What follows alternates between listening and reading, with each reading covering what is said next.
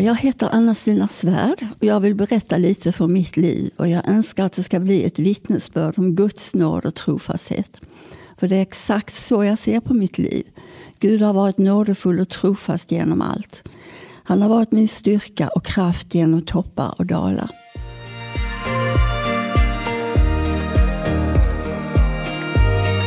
Det här är Wow Community Podcast. Alla har en story med Anna-Stina Svärd.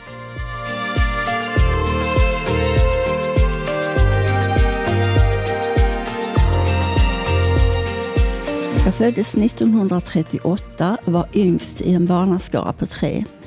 Jag hade utom mina fina föräldrar en stora syster och en storebror. Den kristna tron var en central del av min familj redan från att jag var liten och min mor och far tillhörde Elim i Malmö som var en pingstförsamling. När jag föddes bodde vi i Limhamn som är en del av Malmö där nu We Are One Church hyr lokaler för sin verksamhet med José och Helena Soto som pastorer.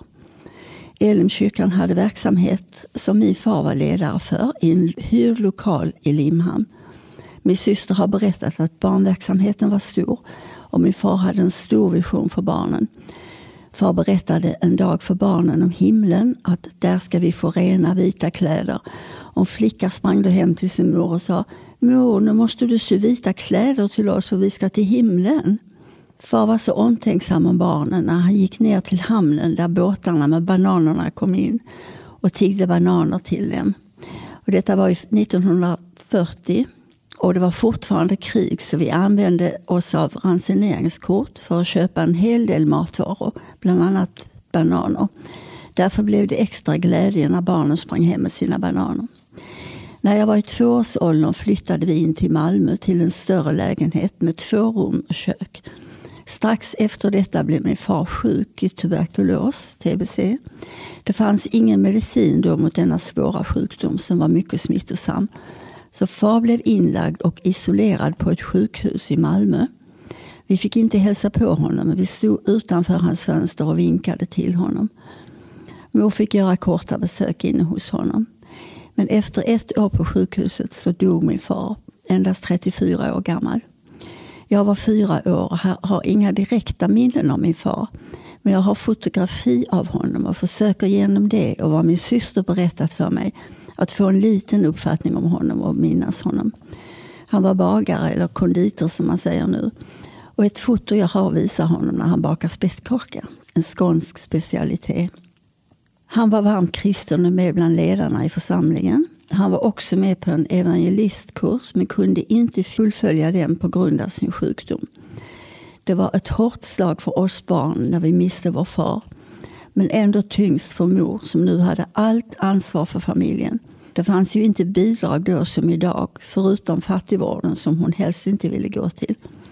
Det som höll henne uppe var hennes starka tro på Gud och att hon älskade Jesus. Jag är idag så tacksam att hon hade sin tro på Jesus i sorgen och att hon fann kraften att kämpa för oss barn trots den saknad hon säkert kände. Det var en stor utmaning att vara ensamstående mamma på den tiden. Mor hade kontakt med en socialsekreterare som var mycket snäll och omtänksam om oss och ordnade så att vi fick komma till sommarhem ute på landet. Vi var på olika platser. Min syster var i Skåne, men bara ett par gånger. Min bror var i Vallentuna hos en kristen familj, men också bara ett par gånger. Och jag som var yngst fick komma till ett hem i Blekinge, en lantbrukarfamilj. En helt underbar familj med två vuxna döttrar. Hos dem fick jag vara ett par månader på sommaren och ibland även på andra lov. Första gången jag kom dit var jag knappt fem år. Första dagarna längtade jag så efter mor. Men när jag kom hem efter sommaren då längtade jag efter tant Anna första dagarna. De var så fina mot mig och följde mig hela min skolgång. När jag tog realexamen kom de till Malmö och gratulerade mig. Och till Stockholm när jag invigdes till sjuksköterska. Sen var de också med på Bertils och mitt bröllop. Och det betydde så mycket för mor att jag slapp vara i stan hela sommaren. Mor hade också ett glatt humör och hade lätt för att skratta. Och min syster uppmuntrade henne ofta. Vi sjöng mycket hemma mor spelade gitarr och vi sjöng gamla hemlandssånger och sånger om Jesus. Jag har en handskriven sångbok som både mor och far har skrivit sånger i. och det står daterat till 1928 och 1929. En del av sångerna sjungs även idag, till exempel Namnet Jesus vill jag sjunga, Sköna namn som ej förgås, Dit jag vill, dig jag vill med fri och tunga, prisa varje dag som går. En annan sång vi sjöng ofta var När omkring mig moln sig hopar och jag ensam känner mig och jag längtar att få fara hän från dunkelt pilgrimstig. Har jag Jesus, endast Jesus, bär jag dock ett diadem som klarare än solens strålar, stjärnan ifrån Betlehem. När jag nalkas pärleporten väntande att få gå in, om jag viskar endast Jesus skall för mig den öppen stå, och när jag med änglaskaran sjunger Lammets lov en gång, då ska Jesus, endast Jesus, bli min ära och min sång. En fin lovsång till Jesus. Namnet Jesus vill jag sjunga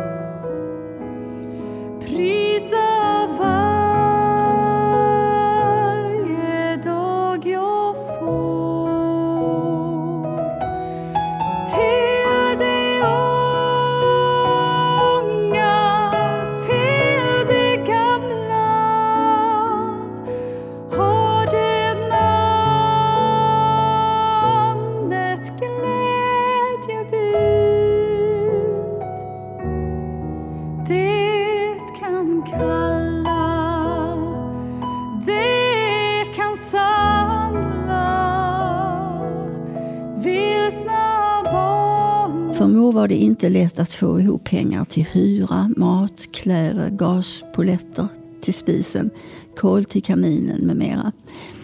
Jag minns att mor ibland satt på sin säng och grät när inte pengarna räckte till. Men vi behövde aldrig vara hungriga. Vi var tacksamma om vi fick stekt potatis och lök till middag ibland. Mor tog ofta städjobb och då kunde jag vara med henne när mina syskon var i skolan.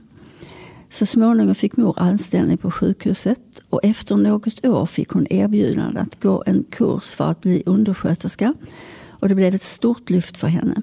Och hon berättade gärna att hon fick högsta betyg på kursen. Och det var stor glädje den dag då hon fick sin brosch och sitt betyg. Mor prioriterade alltid oss i livet och hon hade som stående böneämne att vi inte skulle behöva ha det så kämpigt som hon haft det. Så hon bad Gud att en av oss skulle få studera till lärare, en till ingenjör och en till sjuksköterska. Och hon fick bönesvar. När jag var 16 år tog jag realexamen och min stora syster var då redan färdig lärare. Min bror var inte intresserad av läxläsning utan ville hellre vara med sina kompisar på kvällarna. Men när han gått färdigt sju år i folkskolan och arbetat ett par år efter det började han att plugga på kvällarna på yrkesskolan och fick sin ingenjörsexamen. Jag fick möjlighet efter realexamen att åka till Holland och arbeta på ett gäst och konferensrum och tackade ja till det. Jag tyckte det var bra att få träna engelska och även lite tyska. Det inbjöds till konferenser och ungdomssamlingar och det var en varm kristen atmosfär. Och vi sjöng mycket. Bland annat fick jag lära sången Oh Lord my God when I'm in awesome wonder Consider all the works thy hands have made. Och store Gud på svenska. Och jag fick då också veta att det var en svensk pastor som hade skrivit den. Också sången What can wash my sins away? Nothing but the blood of Jesus fick jag lära mig där. Det var en intressant tid i Holland. Jag träffade många fina ungdomar. Jag har alltid tyckt om att resa, få uppleva nya platser och är tacksam att jag redan i tidig ålder fick se mig om i världen och pröva mina vingar. Trots att vi hade knapert under min uppväxt så var det inget som begränsade mig att drömma stort. Sen var det tid att söka till sjuksköterskeskolan. Att arbeta med människor och bli sjuksköterska var något som tidigt tilltalade mig och det kändes som ett självklart yrkesval. Jag valde Röda Korset i Stockholm. Det lät internationellt att kunna arbeta i något annat land som jag var intresserad av. Utbildningen var lite tuff ibland men jag förstod att jag valt rätt ändå. Jag hade två kristna kamrater som gick till Philadelphia kyrkan. Och skolan ligger nära kyrkan så jag gick dit så ofta jag kunde. Jag var till och med med i strängmusiken och sjöng en liten period. Strängmusik är som en kör men man har musik med gitarr och fioler, mandoliner, basfiol och även dragspel. I december 1961 var jag färdig sjuksköterska och barnmorska. Jag flyttade hem till mor i Malmö igen. Där fick jag plats på sjukhuset som barnmorska och det var så fantastiskt.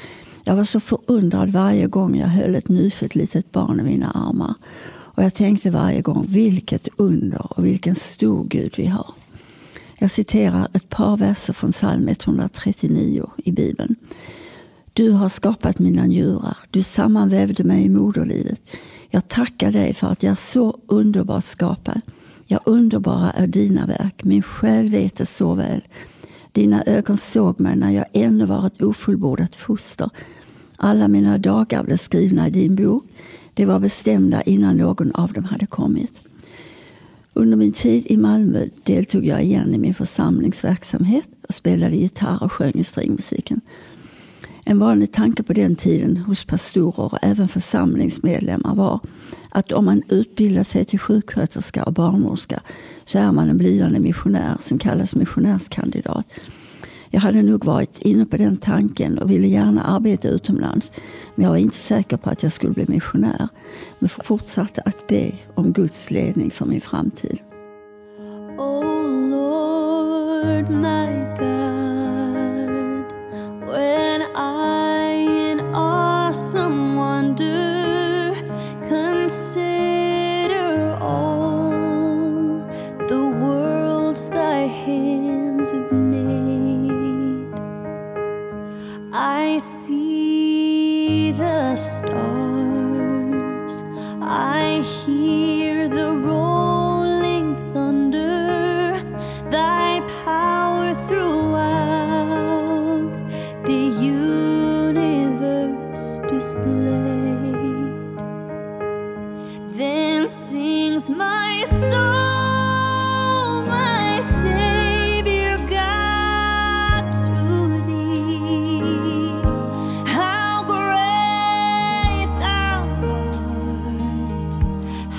Jag sökte en möjlighet att komma till England för att lära språket bättre och ville gärna arbeta som barnmorska.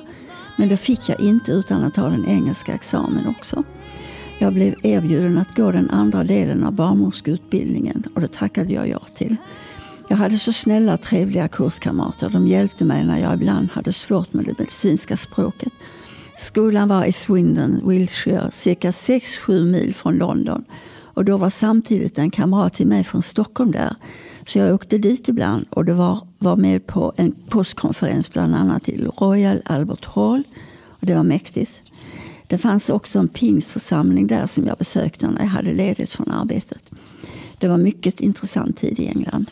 Sen kom jag hem till Malmö och fick bo hos mor som flyttade till en större trevligare rumslägenhet.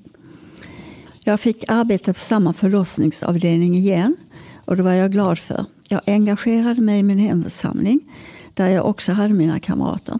På hösten hade vi en fyra veckors bibelkurs som jag anmälde mig till. Det var en pastor som undervisade för varje vecka. Det var mycket givande. Äldre pingstpredikanter med mycket erfarenhet. Jag minns inget speciellt datum för när jag blev frälst. Jag hade hört om Jesus hemma och gått i söndagsskola sedan jag var liten. Jag minns att när jag var i tioårsåldern gick jag runt och frågade barnen på vår gård om någon ville följa med till söndagsskolan. Och jag hade tre små killar som regelbundet följde med mig. Då var jag också med i barnsträngmusiken och spelade mandolin och det var så roligt. Jesus har alltid varit min ledstjärna genom livet och det är jag mycket tacksam för. Vi var många ungdomar i Elim som var en stor församling. Och man var ju mest tillsammans med jämnåriga. Och Bertil, min blivande man, var fyra och ett halvt år yngre än mig. Så därför kände vi inte varandra närmare. Vi bara visste om varandra då vi deltog i församlingens bibelkurs tillsammans på hösten. Efter bibelkursen blev Bertil evangelist i Skurup utanför Malmö. Han kom överens med sin evangelistkamrat att de skulle be tillsammans till Gud. Att Gud skulle ge dem varsin flickvän på löftet i Matteus kapitel 18.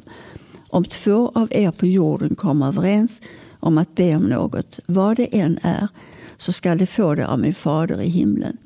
Och mycket riktigt, Gud hörde deras böner. Strax efter mötte de båda sina livskamrater. Bertil skickade ett brev till mig med en fråga om vi skulle kunna träffas någon gång och vi bestämde en tid. Jag svarade ja. Vi tog vår första promenad i februari 65. Vi bestämde oss då för att fortsätta träffas och be tillsammans för att förstå vad Gud hade för plan med detta. Vi hade många gemensamma tankar om vår framtid. Det främsta var att vi ville ställa våra liv till Guds förfogande. Jag hade en bön i mitt hjärta att om jag skulle gifta mig så skulle det vara med en man som kunde hjälpa mig att komma vidare på min väg med Gud. Jag hade hört Bertil vittna så jag förstod att han var förankrad i Bibeln och ville leva efter vad den lär oss. Så jag kände mig ganska trygg med det. Senare på våren åkte vi tillsammans till Israel på en gruppresa med 48 deltagare. Och sen i november samma år så förlovade vi oss. Och i mars 1966, året efter, gifte vi oss. Vår pastor Abner Dahl vigde oss i vår kyrka Elim i Malmö. Vi hade en fest för många vänner och släktingar i kyrkans festsal. Och på kvällen middag för våra närmaste och tillresande gäster. Vi var så tacksamma för en fin dag, för alla som kommit och firat med oss. Vi ville åka tillbaka till Israel för att arbeta på en kibbutz och det var lämpligast tyckte vi innan vi skaffade ett eget hem för Bertil som var enkel lågavlönad evangelist med 500 kronor i månaden. Så hade han inget att bidra med till hemmet. Så vi åkte iväg till Israel istället i en gammal bil. 650 mil och tre veckor tog det. Många ungdomar från olika länder kommer till Israel för att arbeta och det är förutsagt i Jesaja 61.5 Utlänningar skall åt er bruka era åkrar och era vingårdar. Bertil kände också för ordet som står i Romarbrevet 1.16 att evangelium är Guds kraft till frälsning först för juden och sen för greken. Vi hade köpt en gammal bil, en Opel Rekord och med den gav vi oss iväg en marsdag en vecka efter bröllopet. Det blev en mycket dramatisk resa som varade i tre veckor. Under gruppresan året innan hade vi frågat guiden på kibbutz Ein Gev vid Galileiska sjön som vi besökte med gruppen. Egon hette han, guiden och en av ledarna på kibbutzen. Han sa då att det gick bra att komma tillbaka och arbeta på kibbutzen och gå en ulpan, en språkkurs då man läser hebreiska halva dagen och sen arbetar halva. Egon sa att vi var välkomna och att vi skulle meddela innan vi kom bara. Vi skickade ett vykort samma dag som vi åkte från Sverige och det hade kommit fram samma dag vi anlände. När vi anlände så var det långfredagen och man hade då en stor konsert på Kibbutz Angev som återkom varje år och drog mycket folk. Parkeringen var nästan fullsatt men vi blev visade till en plats där vi blev instängda med bilen. Bertil försökte förklara att vi inte skulle på konserten men vakterna brydde sig inte. Vi gick för att leta upp Egon och vi träffade honom snart. Han hade fått vårt vykort samma dag och tyvärr fanns det ingen plats för oss eftersom det var fullsatt med gäster inför konserten. Han beklagade situationen och då började jag gråta. Egon sa att vi får åka vidare till Haifa, sju mil bort och söka få en annan kibbutz. Men vi kunde komma tillbaka nästa morgon först och hämta post som kommit till oss. När vi kom och skulle hämta bilen på kvällen då igen var den inlåst på alla sidor med bilar både framför oss och bakom. Och Bertil hade bett till Gud om ett tecken i denna stängda situation för oss. Att om du Herre öppnar vägen för oss så att vi kan komma ut med bilen då vi inte hade lust att sitta och vänta flera timmar på konserten.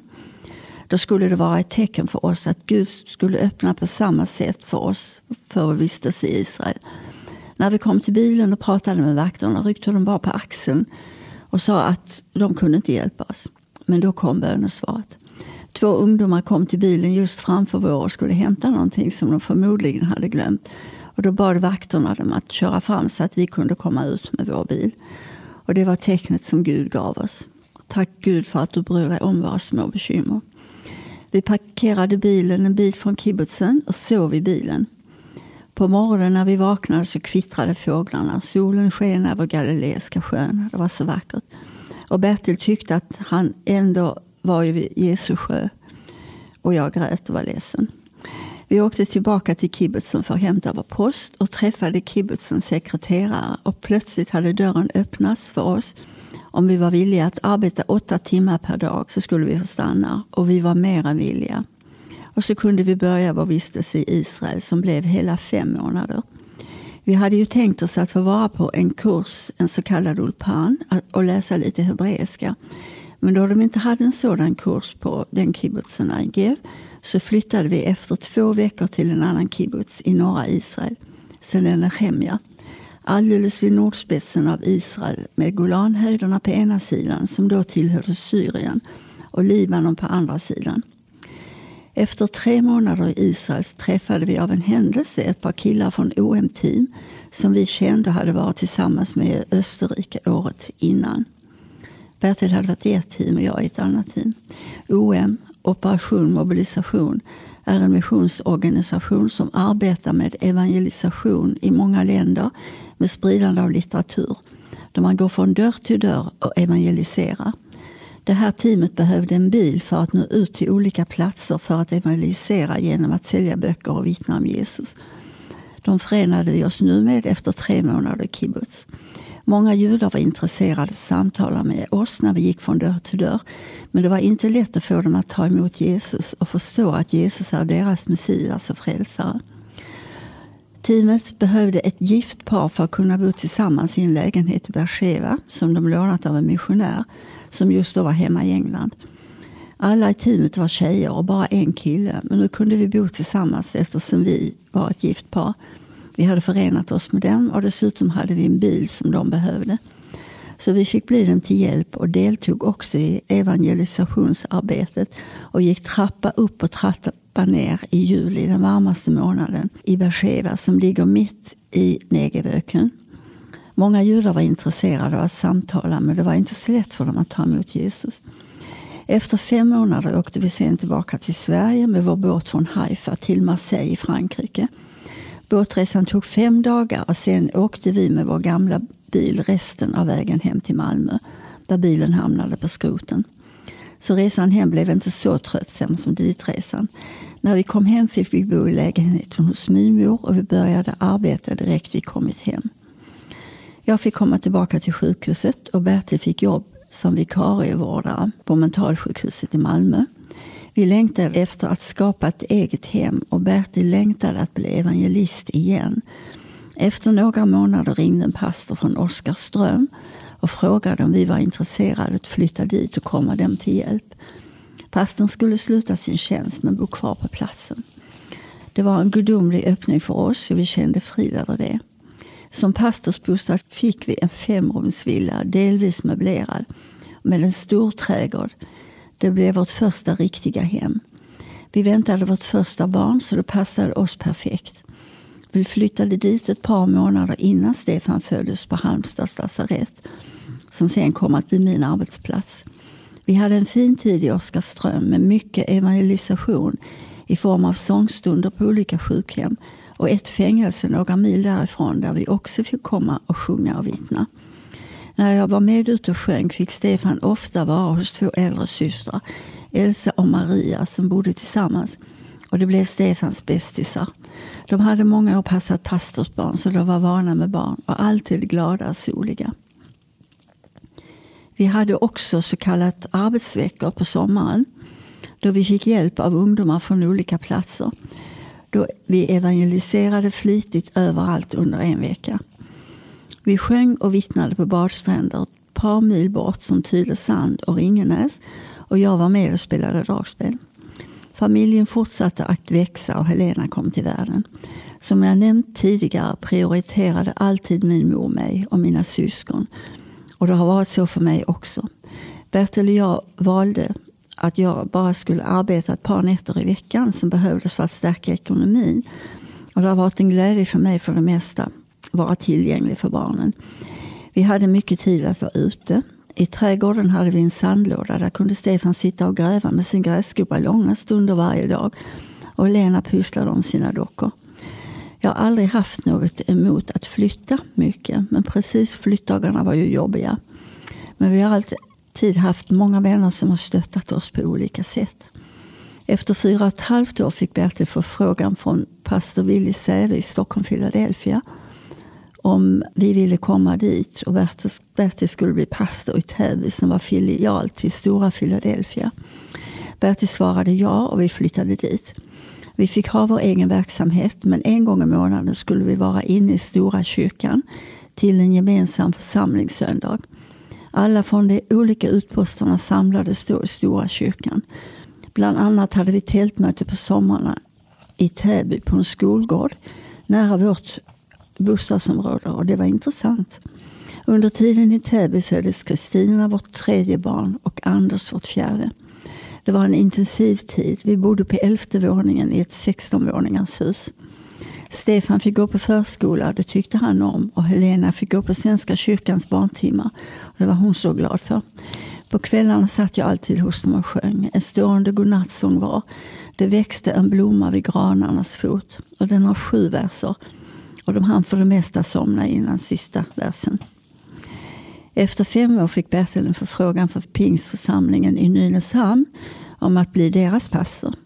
Vi bad Gud om ledning och vi kände som att det var rätt. Vi flyttade dit. Bertil var då 33 år gammal och han var pastor där i drygt 11 år. Det var en välsignad tid och församlingen växte och vi döpte 83 vänner. Under sista åren i Nynäshamn hade vi nära kontakt med pastor Bror Spets och hans medarbetare Carl Gustaf Sterin som var pastorer i Södermalmskyrkan i Stockholm med trosrörelsen och Livets Ord. Pingströrelsen hade tagit ställning emot Livets Ord och trosrörelsen. Men Bertil var övertygad om att det var en väckelse från Gud och fick därför inte stanna kvar som pastor i pingströrelsen. Pastor Bror Spets erbjöd oss att starta en filial till Södermalmskyrkan som kom att kallas Nynäshamns bibelcenter med de medlemmar som ville fortsätta i gemenskap med Södermalmskyrkan och trosrörelsen. Vi blev snart ett 70-tal vänner som samlades, många av dem ungdomar.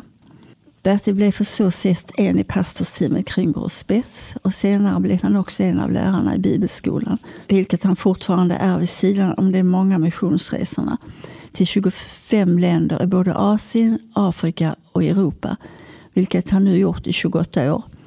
Det blev hans nya tjänst i enlighet med det profetiska tilltal han fått flera år tidigare, 1985, profeterade en amerikansk pastor över honom som aldrig hade mött honom.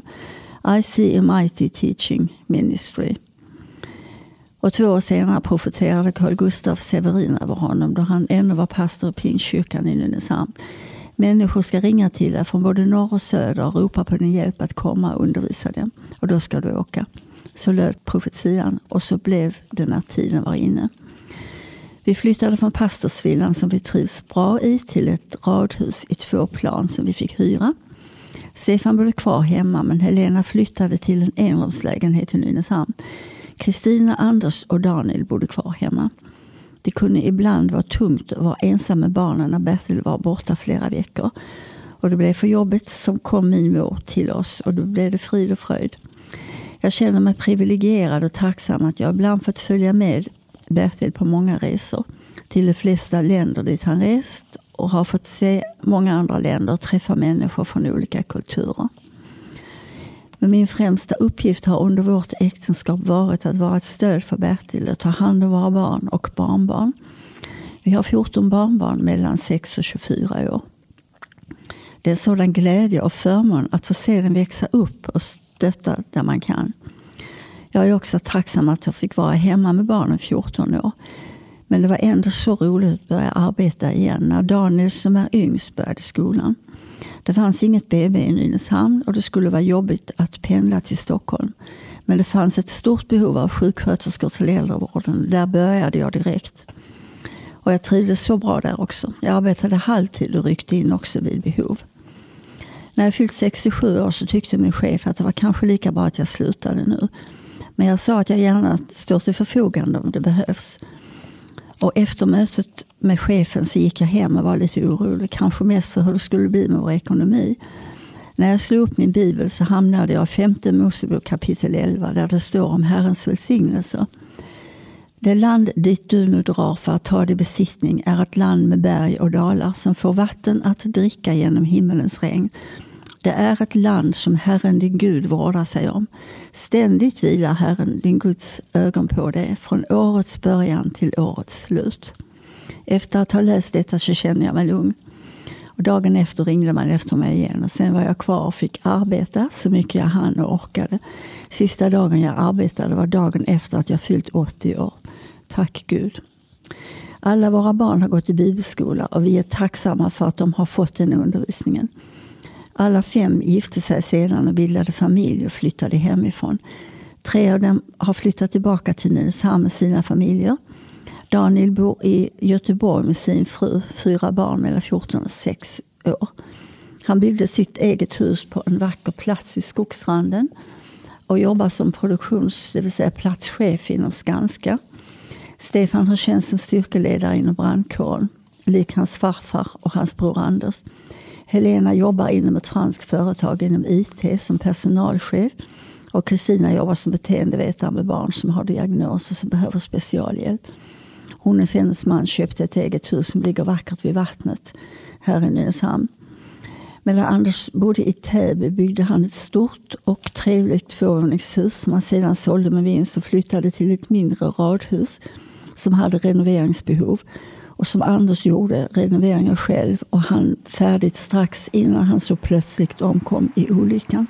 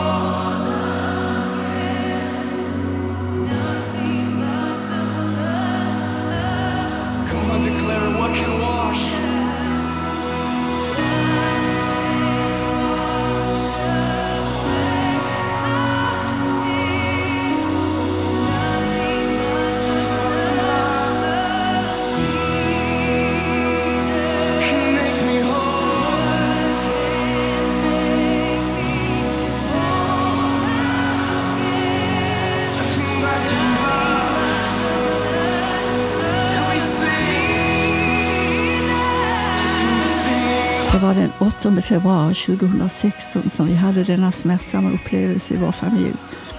Det var så Anders plötsligt rycktes ifrån oss genom en olyckshändelse. Jag var på mitt arbete på ett äldreboende och Bertil var på väg till bibelskolan för att undervisa.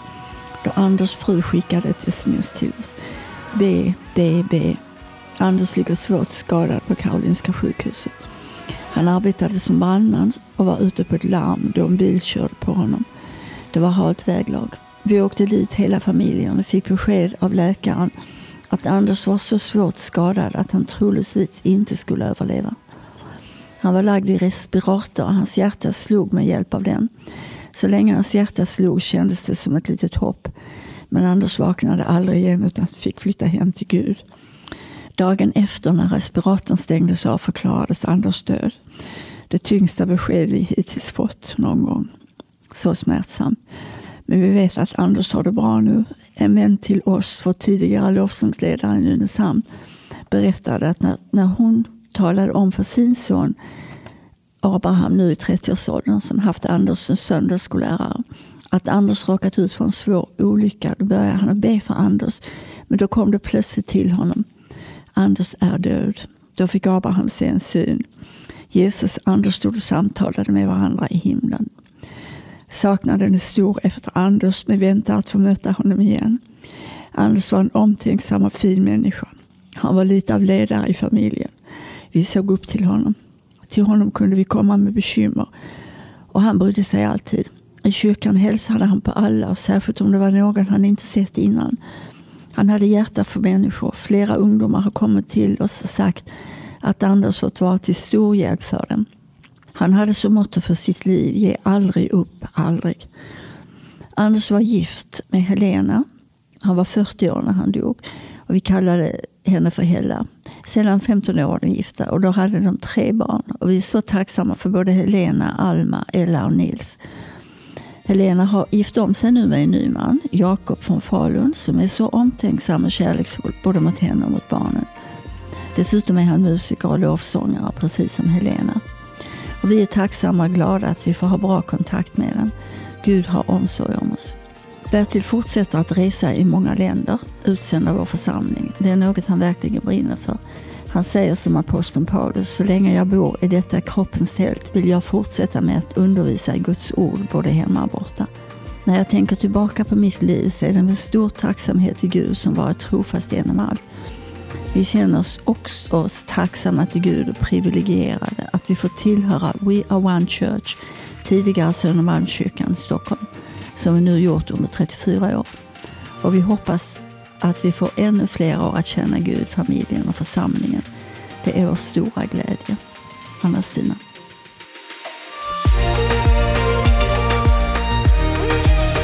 Tack för att du har lyssnat på Alla har en story med Anna-Stina Svärd.